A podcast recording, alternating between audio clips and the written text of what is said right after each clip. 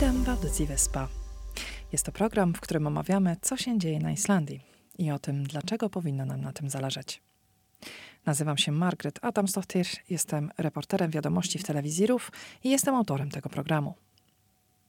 Olga Knasiak przyjechała na Islandię 18 lat temu wraz z rodziną i nigdy nie pracowała w Polsce.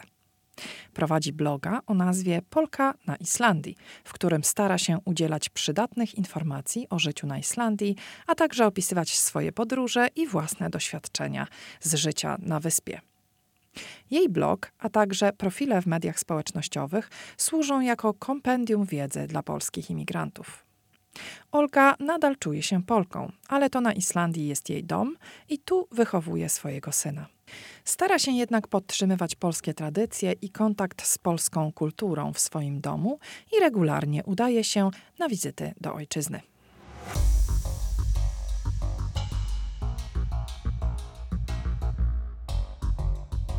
Witam cię serdecznie. Dzień dobry. Jak się czujesz po dwóch dniach następnej nieprzewidzianej erupcji w naszym kraju? Tym razem inaczej niż zazwyczaj, kiedy te erupcje występowały w tych poprzednich latach, mhm. dlatego że ta erupcja po raz pierwszy jest taka słodko-gorzka, że tamte erupcje to były takie ekscytujące i to było takie, tak naprawdę było tylko podekscytowanie, że cieszyliśmy się, że w końcu zakończyły się trzęsienia, cieszyliśmy się, że będzie można zobaczyć to na żywo. To były tak naprawdę pierwsze razy, kiedy ja poszłam na erupcję, bo w poprzednich latach odkąd jestem na Islandii, jakby te, tych erupcji było więcej i nigdy nie byłam tak naprawdę zobaczyć erupcji z bliska. Więc to były pierwsze erupcje, na które się wybrałam. Poszliśmy tak naprawdę z moim synem też, e, który też widział erupcję na żywo. I i w tym roku w ogóle nie czuję ekscytacji, w ogóle nie czuję takiej potrzeby, żeby to pójść i zobaczyć. Jedynie co to chciałabym wziąć drona i rzeczywiście zrobić jakieś ujęcia, bo w zeszłych latach nie miałam drona, a w tym roku mam drona i rzeczywiście chciałabym to zrobić dla siebie. Nie mam tego właśnie takiej ekscytacji pozytywnej, bo jest to jednak blisko już Gryndawiku, już y, ludzie musieli się wyprowadzać, jest to większe zagrożenie dla ludzi, infrastruktury, energii, wody. Jakby jest tyle y, tych y, gorzkich aspektów tej erupcji, że ja po prostu nie potrafię się jakby cieszyć tą siłą natury i właśnie jak to wygląda i, i że można będzie to zobaczyć po raz kolejny, bo gdzieś przez to, że dotyka to ludzi, czuję, że może to dotyczyć też bardziej mnie. Z jednej strony mieszkam w Reykjaviku, którego to nie dotyka, ale cały czas jak odpowiadam właśnie komuś na pytania o erupcję, to mam takie, czy ciebie to dotyczy, czy jesteś bezpieczna? Tak, jestem bezpieczna, ale jakby mhm. nie wiemy, ile to potrwa, nie tak. wiemy, w którą stronę to pójdzie. Mamy do czynienia z siłą natury, nad którą nie mamy ani kontroli, ani wiedzy jakiejś szerszej, jedynie spekulacje, więc no gdzieś tam ta ekscytacja z poprzednich lat rzeczywiście opadła. Tak, myślę, że wszyscy Ciebie rozumiemy, tym bardziej, że wielu rodaków naszych mieszka w Grindawiku tak, i prawda. rzeczywiście jest to innego rodzaju erupcja. Mówisz, że y, na żywo zobaczyłaś tylko te erupcje Fagradalsfjall, mhm. czyli tych wcześniejszych, które wydarzyły się w innych miejscach kraju, nie miałaś okazji zobaczyć. Y, ja nie poszłam na Eyjafjallajökull, dlatego mhm. że nie wiem, wtedy to, to, to, ja nie byłam jakby, to nie były moje pierwsze lata na Islandii, bo to było w 2010 tak, roku. Tak. Y, ja jestem od 2005 na Islandii, ale jakoś nie wiem, moi bracia tam szli, y, moi znajomi tam szli, tam się szło bardzo długo w ogóle, bo tam chyba 10 kilometrów przez tak. góry, to też było w marcu, było ciemno, był krótki dzień, więc ja nie, nie, nie czułam takiej potrzeby, że tam iść. Jak oni mi powiedzieli, że tam idą, to miałam takie, no chyba zwariowaliście, na, na wulkan, po prostu przez góry, w zimnie. I mówię, nie, ja w ogóle nigdzie nie idę. I oczywiście oni poszli, pokazali zdjęcia i ja nadal nie czułam takiego, że mnie coś ominęło. Wtedy w ogóle y, Eyjafjallajökull wyróżniał się tym, że tam się podchodziło do lawy, ale nie widziało się de facto tej pluskającej lawy z, z krateru. Tylko mhm. jakby wszystkie kadry Wtedy jeszcze nie było dronów, tak? Więc w ogóle nie mhm. było tych ujęć z góry. Y, były Wszystkie... Wycieczki helikopterem, pamiętasz? Wycieczki helikopterem, tak. pamiętam, Mega były drogie. na Bardarbungę potem. Tak. Ale na Eyjafjallajökull też to już znaczy, były? Tak. Też nie pamiętam. Były, były, to były, nie pamiętam. Strasznie, strasznie drogie. To no, no to może poza dlatego... zasięgiem takiego tak, zwykłego tak, człowieka. Tak. Teraz już moglibyśmy sobie może na to pozwolić, wtedy raczej nie. Tak, więc ja w ogóle jakby tam ten wulkan to było na zasadzie, że my pojechaliśmy, zbliżyliśmy się, nie wiem, na wysokość Kwozwotlur może mhm. i, i tak naprawdę chmurę było widać i było takie... Pamiętam y, y, jeden raz, kiedy pojechaliśmy właśnie, żeby zobaczyć tą chmurę z bliska, to y, było takie coś, że my podjechaliśmy i rzeczywiście stwierdziliśmy, dobra, dalej nie jedziemy, mhm. bo już mhm. jesteśmy bardzo blisko i właśnie obróciliśmy się i zaczęliśmy wracać do Reykjaviku i w tym tylnym lusterku ta gonią goniąca nas chmura. O, Oczywiście ona nas nie goniła, ale my jechaliśmy jakby w stronę słońca mhm. z tą mhm. chmurą pyłu za nami. Niesamowite wrażenie, to to mhm. pamiętam. Ale rzeczywiście na wulkan, żeby zobaczyć lawę z bliska się nie wybrałam. Mhm. A jak udaje ci się to y, właśnie wyjaśniać ludziom z Polski? Prowadzisz bloga od wielu lat i na pewno ten temat poruszałaś. Podczas tych erupcji trzech już w tym momencie, od kiedy zaczęłam mhm. pracę w RUF, bardzo dużo szerzy się fałszywych wiadomości, dezinformacji. Ludzie dalej publikują zdjęcia na przykład z Eyjafjallajökull albo z poprzednich erupcji, jakieś bardzo eksplozyjne zdjęcia, takie, które pokazują no nie stan na dziś, tylko mieszają to wszystko. Jakie jest twoje doświadczenie właśnie z, z opisywaniem tego? Bloga jako stronę www prowadzę bardziej w takim sensie pisania po polsku o rzeczach potrzebnych i ważnych dla Polonii, czyli pisze o tym, jak wyglądają wypłaty, pisze o tym, jak się załatwia jakieś formalności w urzędach i tak dalej, a o takich rzeczach codziennych pisze bardziej na Instagramie, więc jakby tak, ja tak. prowadzę Instagrama bardziej niż bloga y, w takim codziennym trybie. Y, I na Instagramie rzeczywiście na Instastory bardzo często poruszam takie codzienne tematy. Ale Tego, co się dzieje teraz na Islandii. Tylko, że ja nie informuję o tym, co się dzieje. Ja informuję bardziej o tym, co ja widzę, co ja -hmm, wiem, -hmm. co ja przeżywam. Bardziej piszę o sobie, czyli nie jestem takim serwisem informacyjnym, no tylko jestem właśnie takim człowiekiem, który jest w danym miejscu, w danej sytuacji i mówi o sobie. No ale właśnie I oczywiście do ciebie pytania tak. w sensie zalewa was lawa? Ja staram się nie obgadywać innych, którzy mhm. szerzą dezinformację. Zawsze staram się podkreślić, że są strony, które są wiarygodne i jakby zawsze te strony podrzucam, podkreślam, gdzie można znaleźć informacje, czy po islandzku, czy po polsku. Zawsze zwracam uwagę na to, że jednak polskie strony mogą szerzyć dezinformację większą, bo mają w ogóle to są bardzo często zdania y, na zasadzie po długich trzęsieniach ziemi nastąpiła w końcu erupcja. No i sobie myślę, no dobra, no ale dwa tygodnie nie było praktycznie żadnego trzęsienia ziemi w okolicy no i nagle nastąpiła erupcja. Więc to są rzeczy, które mnie denerwują.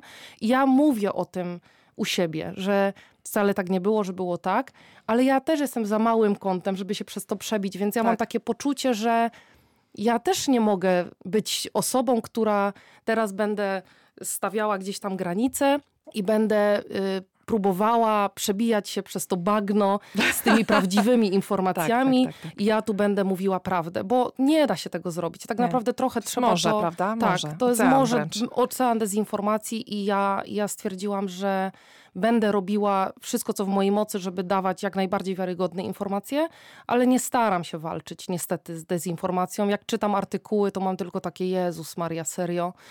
Mam, mam załamanie naprawdę na każdym artykule na polskich y, portalach informacyjnych. Sama też występowałam. Tak, prawda? tak. No i clickbaitowych y, tytułów przede tak, wszystkim. Tak, tak, tak. Więc no, staram się jak najbardziej przekazywać te informacje zgodne z prawdą, mhm. a jak czegoś nie wiem, to piszę. Nie wiem, nie pytałam, nie, nie interesowałam się tym tematem. Jak czegoś nie wiem, to ja po prostu piszę, że ja tego nie wiem.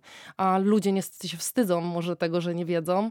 Ja mam prawo nie wiedzieć. Ja jakby nie jestem y, wulkanologiem. instytucją, prawda? Nie jestem instytucją, nie jestem, nie pracuję w mediach, żeby, żeby musieć coś wiedzieć, więc ja generalnie jak czegoś nie wiem, to ja piszę nie wiem, najlepiej jest się skontaktować z tą i z tą stroną, bo to ona odpowiada za te tematy. Albo z tą i z tą instytucją, bo ona się zajmuje zameldowaniem, mm -hmm. czy podatkami i tak dalej. Jakby zawsze kieruje. No a tak naprawdę, jakbym chciała się dowiedzieć, to oczywiście jestem w stanie się dowiedzieć, tylko to jest mój prywatny czas, który ja muszę poświęcić na wyszukiwanie tych informacji. Mm -hmm. I ja przez to, że robię bloga hobbystycznie, to ja po prostu też, też tego często nie robię. Czyli wysyłam ludzi po prostu na konkretne strony, ale sama, sama też się nie dowiaduję, bo mnie coś nie interesuje albo nie potrzebuję tego wiedzieć. Mhm. Dobrze, zostawmy erupcję na razie i zajmijmy się drugim ważnym tematem tego tygodnia, jakim jest Boże Narodzenie, nadchodzące święta. Tak wiele lat mieszkasz już tutaj, masz dziecko, które ma w tym momencie 10 lat. 10, 9. W tym momencie 9. Okej. Okay. Jak wygląda w waszym domu zachowywanie tradycji? Czy zachowujecie tradycje islandzkie i polskie, czy któreś bardziej, czy któreś mniej? Jak twoje dziecko wychowane tutaj na Islandii rozumie, jak znajduje się w tych tradycjach świątecznych? No tak naprawdę wszystkie tradycje dziecięce, nazwijmy to, są zachowane islandzkie, dlatego że dziecko chodzi do islandzkiego wcześniej przedszkola, teraz szkoły i ma islandzkich kolegów. Tak naprawdę z polskimi dziećmi ma dużo mniejszy styk niż z islandzkimi, więc niepodtrzymywanie islandzkich tradycji, czyli codziennych prezentów od Mikołajów, byłoby takim no ale jak to? Dlaczego? Więc jakby to mhm. gdzieś... Czułby się inny. Czułby się inny, czułby się wyalienowany, nie rozumiałby, dlaczego do innych dzieci przychodzi Mikołaj, a do niego nie. E, przede wszystkim on kiedyś usłyszał w szkole zdanie nie, ty nie jesteś Islandczykiem, ty jesteś Polakiem. Mhm. I on nie rozumiał tego. On nie rozumiał, dlaczego on jest Polakiem. Przecież on ma też obywatelstwo islandzkie. Ja mhm. mówię, synek, tak naprawdę wytłumaczyłam mu, na czym polega jego bycie Polakiem i Islandczykiem, że jak się ma rodziców z innego kraju, no to się jest automatycznie tej narodowości, ale to nie czyni go innym. On się tutaj urodził i on się tutaj wychowuje i właśnie staram się, żeby jak najwięcej tych islandzkich tradycji, właśnie tych rzeczy, z którymi dzieci przychodzą z domu do szkoły z tymi opowieściami, żeby on też te opowieści miał, żeby nie był inny, nie, żeby nie był tym Polakiem, który nie obchodzi świąt, który nie dostaje prezentów i tak dalej. Ale oczywiście staram się też podtrzymywać polskie tradycje i tak naprawdę jest to bardzo mocno pomieszane. Tak myślę, że wybraliśmy sobie te najfajniejsze z polskich tradycji i najfajniejsze z islandzkich tradycji i bardzo długo miałam problem z polskim Mikołajem, który przychodzi 6 grudnia. Widziałam to właśnie. I ja tak naprawdę, ja, ja się tak naprawdę co pozbyłam. zrobić tak, z tym co, wszystkim. Tak, więc ja stwierdziłam, że tych prezentów po prostu jest za dużo, że tak mhm. tak naprawdę w Polsce przychodzi 6 grudnia 24 tak. i okej, okay, i to jest starczy. super, starczy. No ale skoro wprowadzam 13 islandzkich Mikołajów, no to już się robi tego trochę za dużo. Gęsto. Więc stwierdziłam, że 6 grudnia po prostu mu powiem, że na Islandię 6 grudnia Mikołaj nie dociera. No tak, Ale niestety ja mam jeszcze tutaj mamę, która mm. postanowiła kupować dzieciom prezenty na 6 grudnia i moje dziecko zaczęło wystawiać buta również 6 grudnia. No i polski Mikołaj dociera do naszego domu. Ale no mówię, przez moją mamę. Tak naprawdę ja chciałam się pozbyć tej tradycji, a w tym roku moja mama pojechała sobie do Polski i nie kupiła dziecku prezentu na 6 grudnia, więc ja musiałam to zrobić. Mhm. Nie mówcie tego mojemu dziecku. Ale Dobrze. no niestety podtrzymuję tą tradycję, ale wbrew swojej woli. No i tych 13 islandzkich Mikołajów, którzy prawdopodobnie też przyjdą do Polski ostatnie dwa dni, bo wyjeżdżamy no właśnie, w piątek. Nie? Więc w sobotę i w niedzielę jakoś ten Mikołaj musi dotrzeć, więc jeszcze nie wiem, jak to załatwię. Ale tak, prawdopodobnie, prawdopodobnie ten Mikołaj islandzki dogoni nas albo w Polsce, albo po prostu zostawimy buta na Islandii i będzie uzupełniał buty na Islandii. Zobaczymy. No, są to rzeczy takie, nad którymi trzeba się zastanowić. Kolejną tradycją islandzką, którą praktykujemy w naszym domu, to jest y, coś nowego, na Wigilii, czyli kawałek ubrania albo pod choinkę w prezencie, albo mieć na sobie w dniu Wigilii. Y, żeby kot was nie zjadł. Żeby kot nas nie zjadł. Więc też mi się bardzo podoba ta tradycja i tak naprawdę od pierwszego roku, jak jestem na Islandii, to praktykujemy. To może wyjaśnimy słuchaczom, którzy są nowi na Islandii, co to za kot i dlaczego on zjada nas? Y, Joula Kohturin to jest kot Grilli i Lepaludi, który goni i łapie niegrzeczne dzieci i te, które nie mają na sobie nic nowego. Właściwie to są dwie mm. historie, które nie mają na sobie mhm. nic nowego w dniu Wigilii albo nie, nie dostały żadnego nowego ubrania. No i lepiej się zabezpieczyć tak, i rzeczywiście tak. to ubranie albo założyć, jakiś skrawek nowego, choćby skarpetki albo krawat. Jedną nawet, albo, tak. albo po prostu dostać w prezencie. Także, a tak naprawdę ta tradycja wywodzi się z tego, że święta to był taki wyjątkowy czas, mhm. że trzeba było dostać właśnie jakieś nowe ubranie, żeby właśnie tak zadbać o siebie i i rzeczywiście gdzieś to jest podtrzymywane, żeby na ten wieczór wigilijny założyć coś nowego no i żeby się uchronić przed kotem. A widziałam, że opisujesz też tradycje islandzkie, poruszasz te tematy. Czy ludzie nie komentują, że to trochę brutalne jest? Bo wiesz, u nas święta są takie cukierkowe, nie? Ten Mikołaj, e, Ale jest różne piękne. Też. To fakt, jest rózga. Mikołaj może przynieść rózgę. No wiesz, ale tak jakby nikt nie zjada dzieci, tak? Ta grilla jest taka brzydka. Tych 13 Mikołajów, oni kradną, prawda? Psocą. Jeżeli ludzie się w to wczytują, którzy nigdy wcześniej o tym nie wiedzieli, widziałaś jakieś ciekawe reakcje na ten temat? Nie, ja generalnie najciekawszymi reakcjami były rok temu, jak y, codziennie dodawałam opis każdego Mikołaja. Mhm. No i tam jest lizacz łyżek, lizacz garnków. Tak, tak. Więc y, jeden mój znajomy zaczął komentować i mi pisał, no już wszystko wylizane, już się nie mogę doczekać, kto będzie następny. Także nie, raczej ja się spotykam z takimi pozytywnymi, śmiesznymi komentarzami, ale rzeczywiście jak się tak zagłębimy w jakieś takie historie, nawet nie tylko te świąteczne, ale ten kot zjadający dzieci, ta grilla gotująca te dzieci w tym garze wielkim, tak. no to y, ja myślę, że my chyba i tak to przedstawiamy w taki bardziej cukierkowy sposób. No, że, myślę, grilla... że w ogóle wszyscy tak. teraz na Islandii też, to już się zrobiło takie śmieszne i folklorystyczne, ale jeżeli się na tym zastanowisz, wiesz, nie? Straszenie dzieci od małego. Tak, tak. No ale no, my tak naprawdę też byliśmy straszeni tą tak, rózgą. Tak, ja fakt. pamiętam, że było zawsze, że jak będziesz niegrzeczny, to dostaniesz rózgę, a nie prezent. Także mi się wydaje, że w, no, w każdej kulturze jest ten i dobry, i zły. Tak naprawdę Mikołaje się przerodzili w tych przynoszących prezenty.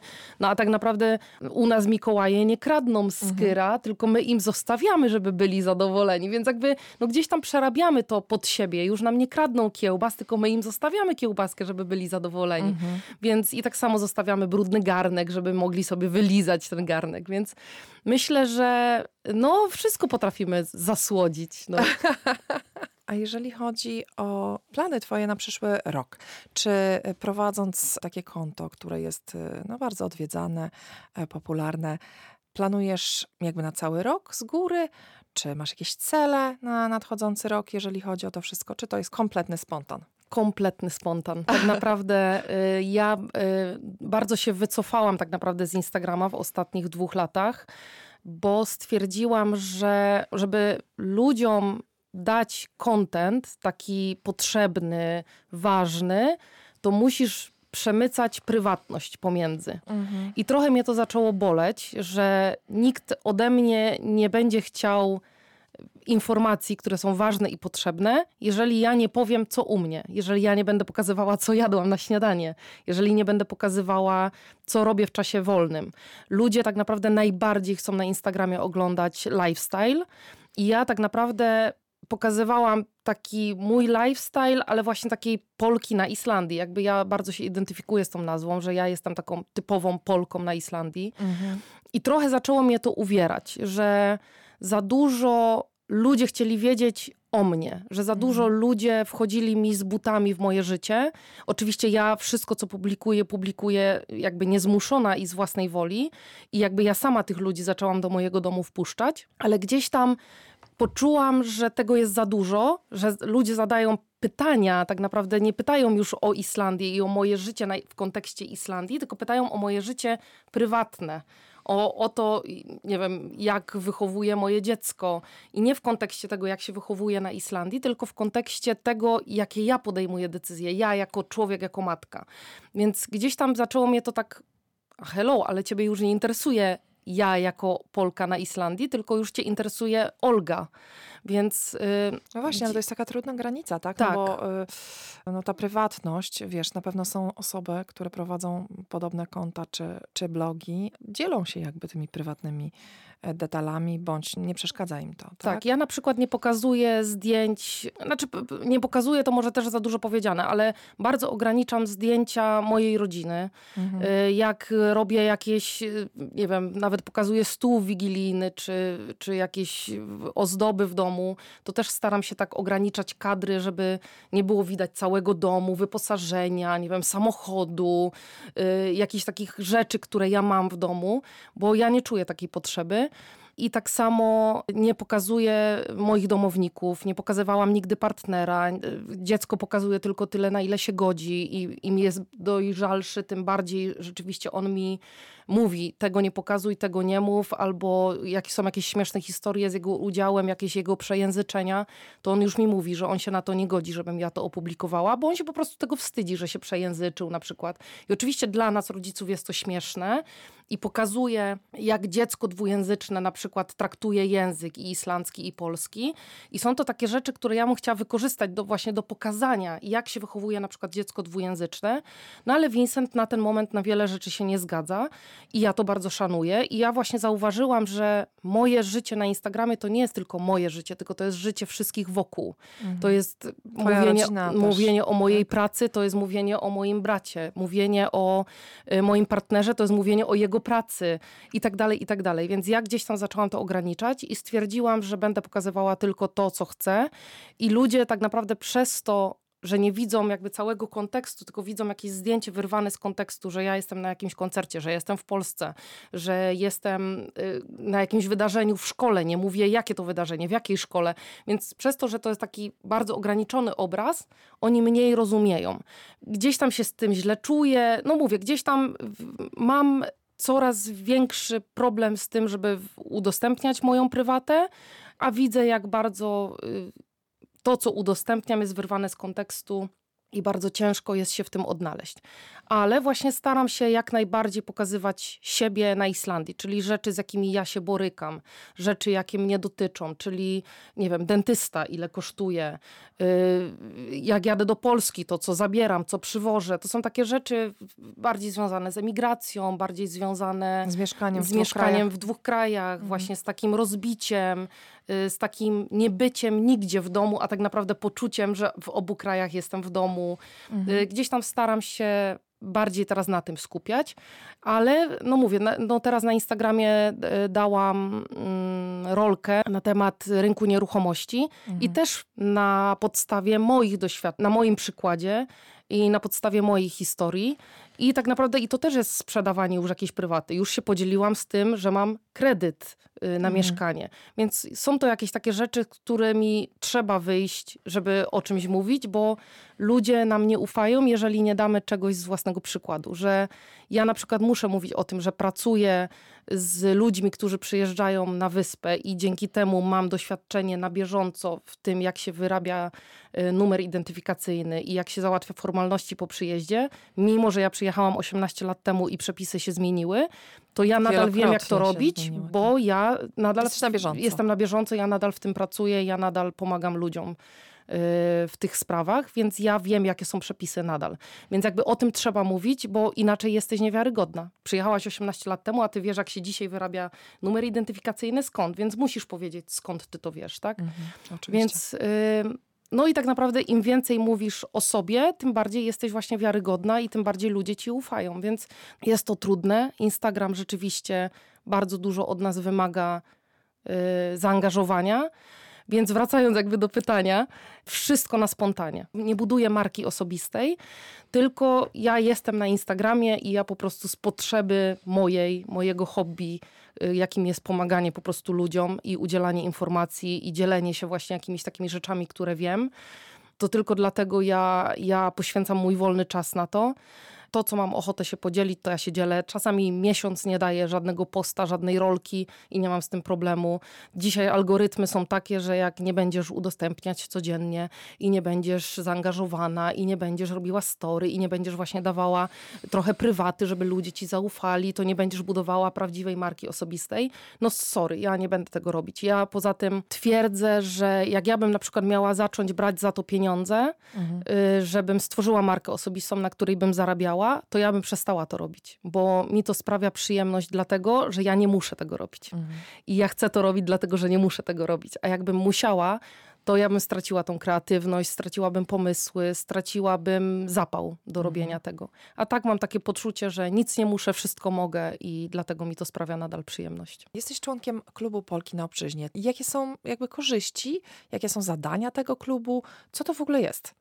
Klub Polki na Obczyźnie to jest y, klub, który powstał już z 10 lat temu, może troszkę więcej. Ja jestem prawie od początku tego klubu, który miał zrzeszać dziewczyny mieszkające poza granicami Polski. Polki poza granicami. Na początku były to blogerki i jakby wymogiem do tego, żeby należeć do klubu było prowadzenie własnego bloga. Z czasem to minęło, z czasem to się zaczęło rozwijać w innym kierunku. W tej chwili Klub to jest portal, na którym publikujemy teksty z całego świata, czyli każda mhm. dziewczyna mieszkająca poza granicami Polski, są to naprawdę wszelakie kraje. Dzisiaj to jest Kirgistan, Kenia, y, Japonia, Kanada, Stany. Naprawdę dziewczyny są z całego świata. Tak naprawdę w klubie są w tej chwili chyba trzy dziewczyny mieszkające na Islandii. Y, dwie mieszkające na Islandii, ale trzy związane z Islandią. Tak naprawdę nie wiem, czy mogę powiedzieć, że klub mi daje jakieś korzyści poza takimi moimi Y, korzyściami należenia właśnie do takiej społeczności, gdzie możemy się dzielić właśnie doświadczeniami, że mamy kontakt z innymi emigrantkami, że możemy się dzielić naszymi problemami, możemy się wspierać nawzajem. Jest to naprawdę klub ponad 100 kobiet, gdzie, mhm. bo są tylko kobiety, y, gdzie tak naprawdę borykamy się z tymi samymi problemami emigracyjnymi. Mamy to rozbicie między Polską a krajem mhm. naszego zamieszkania. Wiele dziewczyn to są y, takie nomadki bardziej, że podróżują z kraju do kraju, albo na przykład są podróżniczkami i po prostu są co chwilę w innym kraju albo y, są to żony dyplomatów i przemieszczają się tam, gdzie mąż dostaje pracę.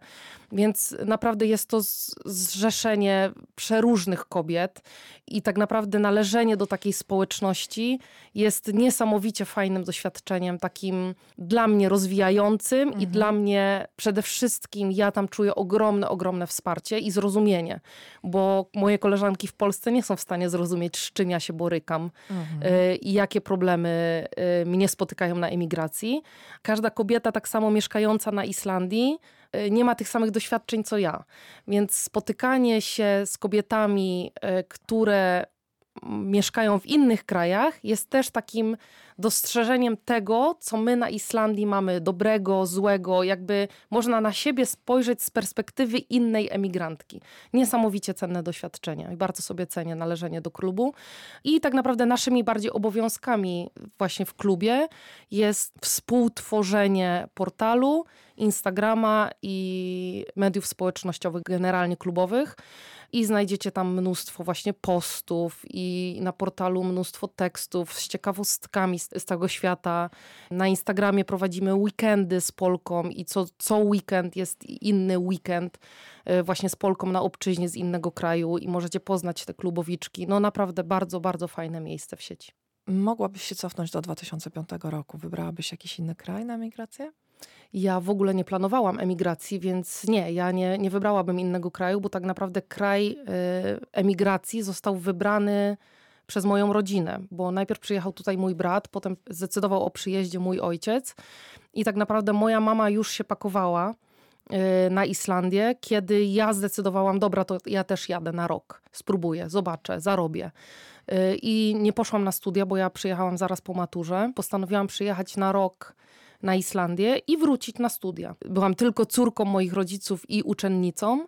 Nie prowadziłam dorosłego życia w Polsce, więc nagle po roku powrót do Polski, w którym nie ma moich rodziców, nie ma tak naprawdę domu rodzinnego, bo dom był, ale jakby powiedzmy, że się rozpadł, bo rodzice mhm. wyjechali, brat się wyprowadził, y, drugi brat już był na Islandii ja nie, nie czułam, że ja wracam do domu. Ja bym Czyli tak musiała... tak jakby to nie była do końca twoja decyzja. Nie. Wyjazd na Islandię to była decyzja mojej rodziny i ja tak naprawdę poszłam za tym. Mhm. Ja mogłam po roku wrócić do Polski, w którym nikogo... Sama. Sama w, którym, w której nikogo nie było i bym musiała tworzyć tak naprawdę moje życie od nowa mhm. w Polsce.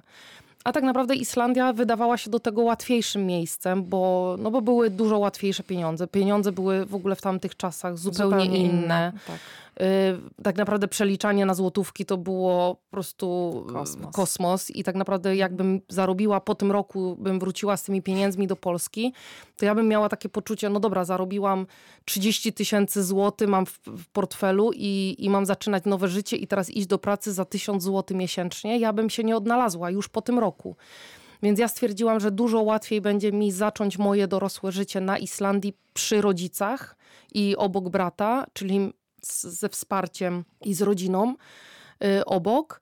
I tak naprawdę kupiłam pierwsze mieszkanie, bo rok czasu mieszkałam, y, nie, pół roku chyba mieszkałam z rodzicami i potem wyprowadziłam się na swoje małe mieszkanko wynajmowane. Wtedy płaciłam 68 tysięcy koron za 40 metrów i jeszcze dostawałam taki huszlejabajtur. Tak, pamiętam te czasy. Płaciłam 50 tysięcy ja za mieszkanie. za swoje pierwsze mieszkanie 40 tysięcy, no. a miało 130 metrów. To nie, ja miałam malutkie mieszkanie, ale w samym centrum Reykjaviku no, ale na Lindargacie. Ale to było w 2002, tak, także tak, parę lat jeszcze wcześniej. Także y, no to były naprawdę złote czasy i tak naprawdę do 2007 roku ja już miałam kupione własne mieszkanie. Mhm. Y, no 2008 kryzys jakby wszystko zweryfikował, ale no był to ciężki okres potem, ale nadal nie żałuję, że wybrałam Islandię. I tak naprawdę, no mówię, ja nie wybrałam emigracji na zasadzie wyjeżdżam z Polski, bo jest mi źle, tylko ja wyjechałam za rodziną, żeby nie być sama w Polsce i nie wróciłam do Polski, żeby nie być sama. Więc emigracja bo bardzo niespodziewanie pojawiła się w moim życiu, bo mój brat też wyjechał nagle. Ja byłam w, chyba w pierwszej klasie liceum, jak on wyjechał pierwszy raz na Islandię. I tak naprawdę zdałam maturę, złożyłam papiery na studia i jakoś tak się wydarzyło, że na te studia po prostu nie poszłam i do Polski nigdy nie wróciłam. Więc ja nie znam życia w Polsce jako dorosła osoba. Nigdy nie mieszkałam w Polsce. Nie wiem, jak to jest mieszkać w Polsce. Więc ja to czasami, jak dostaję pytanie, jak to jest żyć na Islandii i jak to jest żyć w Polsce, to ja nie wiem, ja nie mam porównania, bo ja byłam dzieckiem w Polsce i dorosłą osobą na Islandii. Nigdy nie byłam dzieckiem na Islandii, ale wychowuję dziecko, więc gdzieś tam mam, nabywam tego doświadczenia dziecięcego, a nigdy nie byłam dorosła w Polsce, więc ja, ja nie wiem, jak porównać te dwa kraje. Co chciałabyś życzyć słuchaczom na święta? Chciałabym życzyć naszym słuchaczom, żeby wszystko to, co jest niezależne od nich, przyjmowali z wdzięcznością, i radością. E, dużo łatwiej się żyje na Islandii, kiedy się nie przejmujemy rzeczami, na które nie mamy wpływu i przyjmujemy z pokorą między innymi pogodę. I mi dużo łatwiej się żyje na wyspie, odkąd mam takie podejście właśnie do Islandii i do islandzkiej pogody. Także tego Wam życzę. Serdecznie dziękuję za odwiedziny i wesołych świąt. Wesołych świąt, dziękuję.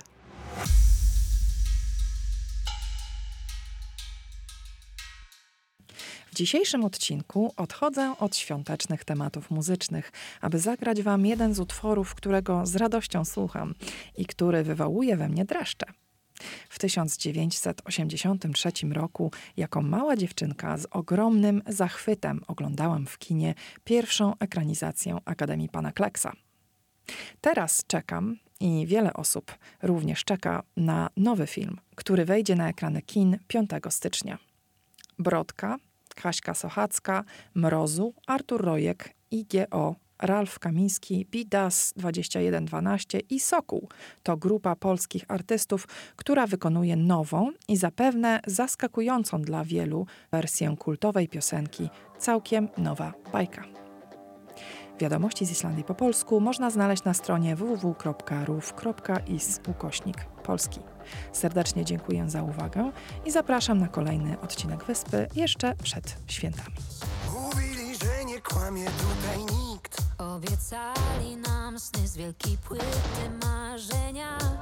Mówili tak czasami musi być, żeby było jak jest, a jest lepiej, gdy nie ma. Witajcie w naszej bajce, gdzie nigdy nic na zawsze, dopóki czas nadzieję trwaj. To wszystko jest możliwe, zwierzęta są szczęśliwe, zatrzymaj świat, póki jeszcze trwa. Niech nikt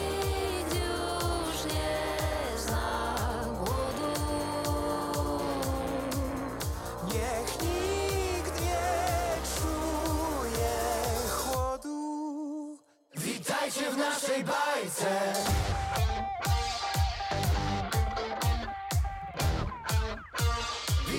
w naszej bajce.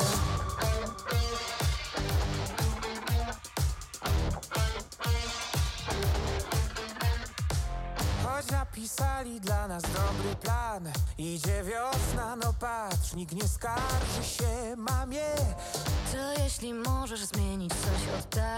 Kilka serc, jeden głos, by odrobić zadanie. Witajcie w naszej bajce, gdzie nigdy nic na zawsze Dopóki czas, nadzieję trwaj To wszystko jest możliwe, zwierzęta są szczęśliwe Zatrzymaj świat, póki jeszcze trwa. Niech nikt już nie zna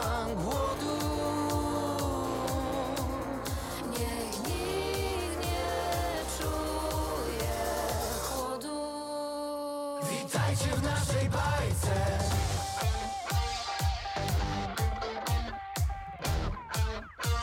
Witajcie w naszej bajce